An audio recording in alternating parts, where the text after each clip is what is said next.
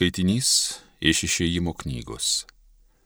Trečiąjį mėnesį po savo išėjimo iš Egipto, tą pačią dieną, Izraelitai pateko į Sinajaus dykumą. Jie buvo išvykę iš Refidimo ir atkeliavo į Sinajaus dykumą, kuris įrengė stovyklą. Ten Izraelitai stovyklavo prieš kalną. Tuomet viešpats prabilo į Mozę. Štai pas tave aš ateisiu tirštame debesyje, kad tauta girdėtų, kai aš su tavim kalbėsiu ir kad tavimi visuomet tikėtų. Mozė perdavė viešpačiui tautos atsakymą. Viešpats Mozė pasakė, liepk jiems šiandien ir ryt apsiruošti, drabužius išsiskalbti, o trečiąją dieną pasirengus būti. Po ryt mat viešpats nužengs visos tautos akise ant Sinajaus kalno.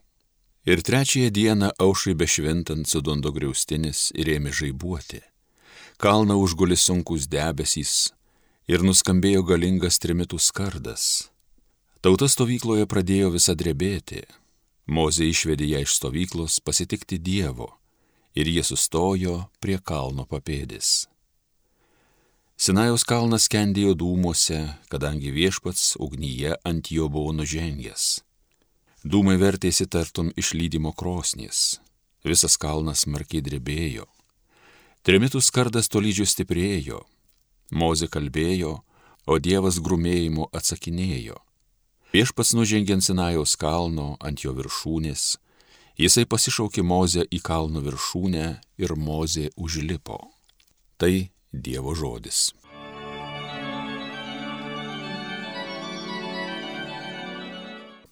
Garbė ir šlovė tau per amžius, garbė tau viešpatie mūsų protėvių Dieve, Garbė ir šlovė tavo šventajam vardui, garbė ir šlovė tau per amžius. Garbė tau viešpatie garbingoj šventoviai, garbė ir šlovė tau per amžius. Garbė tau viešpatie karališkam soste, garbė ir šlovė tau per amžius. Garbė tau viešpatie dangaus ir žemės valdove, garbė ir šlovė tau per amžius. Garbė tau viešpatie dangaus aukštybėse, garbė ir šlovė tau per amžius. Alleluja.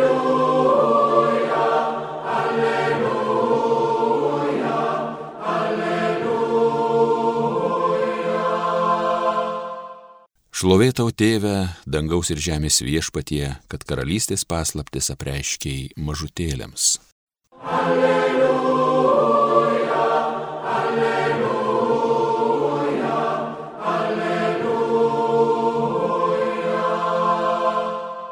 Iš Ventosios Evangelijos pagal Matą.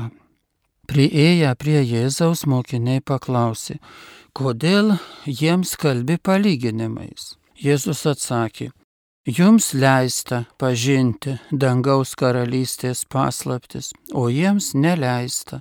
Mat, kas turi, tam bus duota, ir jis turės su pertekliumi, o iš neturinčio bus atimta ir tai, ką jis turi Aš jiems kalbu palyginimais todėl, kad jie žiūrėdami nemato, klausydami negirdi ir nesupranta. Jiems pildosi Izaijo pranašystės žodžiai. Girdėti girdėsite, bet nesuprasite, žiūrėti žiūrėsite, bet nematysite. Šitų žmonių širdis aptuko, jie prastai girdėjo ausimis ir užmerkė akis, kad kartais nepamatytų akimis, neišgirstų ausimis, nesuprastų širdimi ir neatsiverstų ir aš jų nepagydyčiau. Todėl palaimintos jūsų akis, nes mato, ir jūsų ausys, nes girdi. Iš tiesų sakau jums, daugel pranašų ir teisiųjų troško išvysti, ką jūs matote, bet neišvydo, ir išgirsti, ką jūs girdite, bet neišgirdo.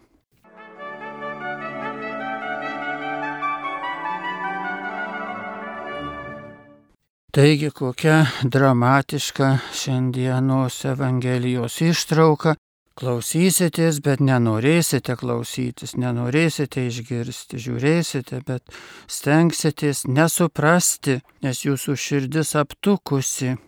Ir čia prisimena mums apaštalo Pauliaus laiško ištrauką Timotiejui.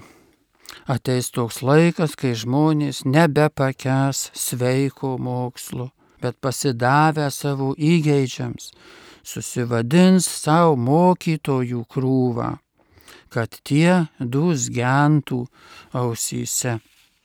Turbūt taip yra su mumis visais, kad mums lengviau klausytis tokių net, nu, netikrų dalykų, netikro mokslo, nelabai sveiko mokslo, nes jis kažkaip e, nu, nuolaidžiauja turbūt mums, patogesnį pateikia mums tokį pasaulyje vaizdį mūsų pačių pašaukimą, padaro nereiklų, ne visą vertį, bet iš tikrųjų tai dėl to žmogus ir netampa, ir šioj žemėje netampa laimingas. Ir žinoma, kad jis nerealizuoja savęs e, tuo būdu, kuriuo jam skirta įgyvendinti save, ką Dievas nori, kad mes padarytume, sukurtume, kokie būtume, tas neįvyksta jeigu mes patys kaip mokytojai esam dus genantis arba klausytojai norime tokių mokytojų, kurie padus gentų mums. Apaštalo Pauliaus čia žodžiai. Tai va ir kodėl taip yra, kad žmonių mūsų širdys tokios būna neimlios, ausys negirdinčios ir širdys tokios užsibarikadavusios nuo Dievo, nuo Dievo žodžio. Ir šiandieną Evangelija sugretinama su e, pirmuoju skaitiniu iš išėjimo knygos e, su Mozės personažu Moze, kuris ir matė, ir girdėjo, ir susikalbėjo su Dievu. Ir reiškia, kad jo širdis nebuvo aptukusi.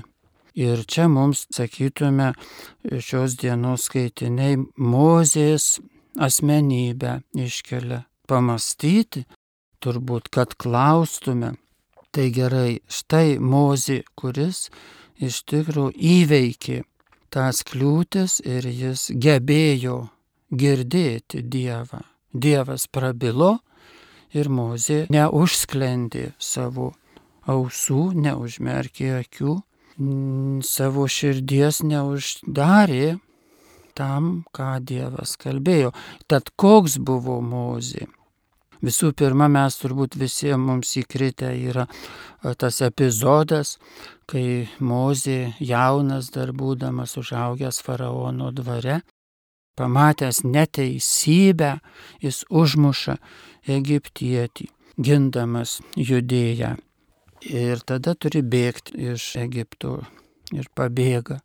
Ir mums šitas epizodas jis toks, toks dramatiškas, toks, toks kriminalinis, kad e, užgožia esmę turbūt to, kas slypi, koks mozės bruožas čia iš tikrųjų atsiskleidžia. Atsiskleidžia mozė kaip teisybės žmogus, kaip žmogus, kuriam svarbu laikytis teisybės, kuriam svarbu pasipriešinti neteisybei. Jeigu tas autorius išėjimo knygos būtų pasakęs, a, žinote, Mozė toks buvo teisybės mylėtojas, tai mes sunkiai atkreiptume dėmesį. Bet kai pasakoja šitą epizodą, kad jis užmuša tą egiptietį, tai tada mes to nepamirštame.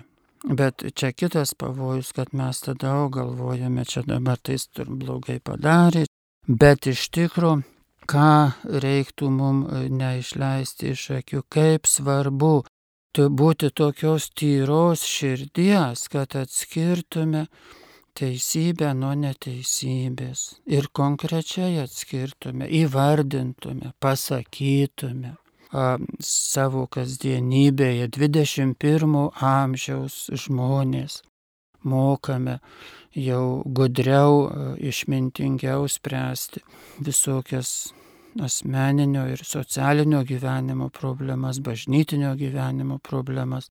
Bet jeigu užtušuojame, kas yra teisybė ir neteisybė, tai čia yra klaida, kelias tolyn nuo Dievo.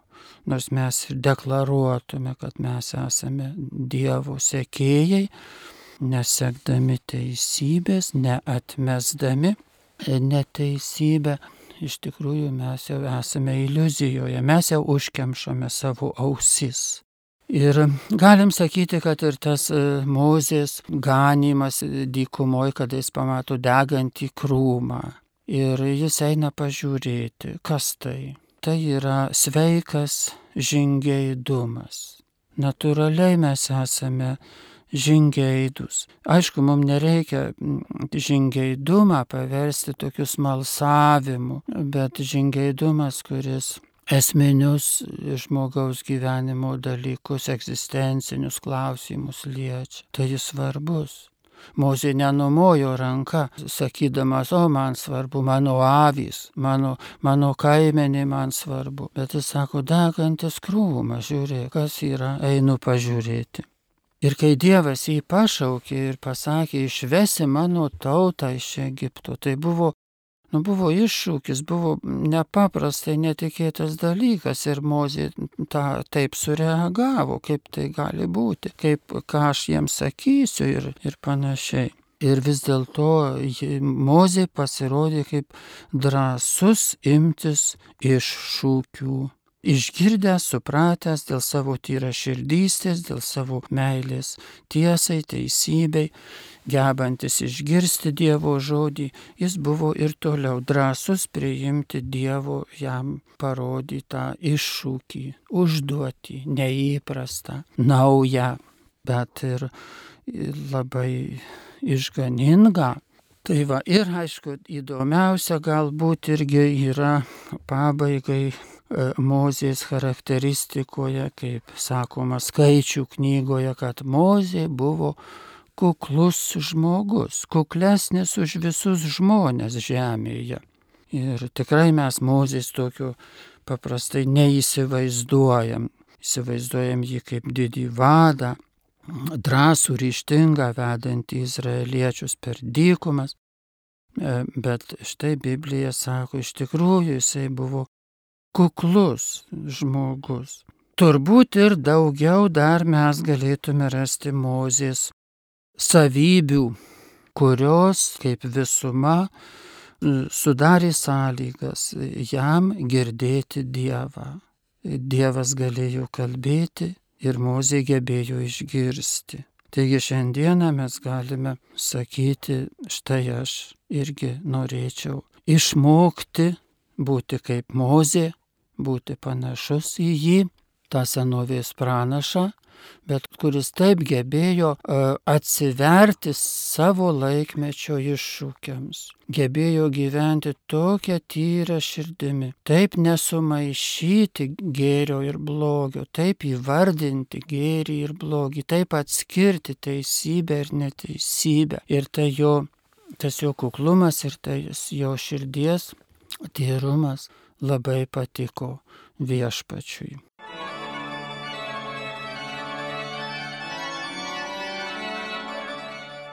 Homilija sakė profesorius, habilituotas teologijos mokslų daktaras kunigas Romualdas Dulskis.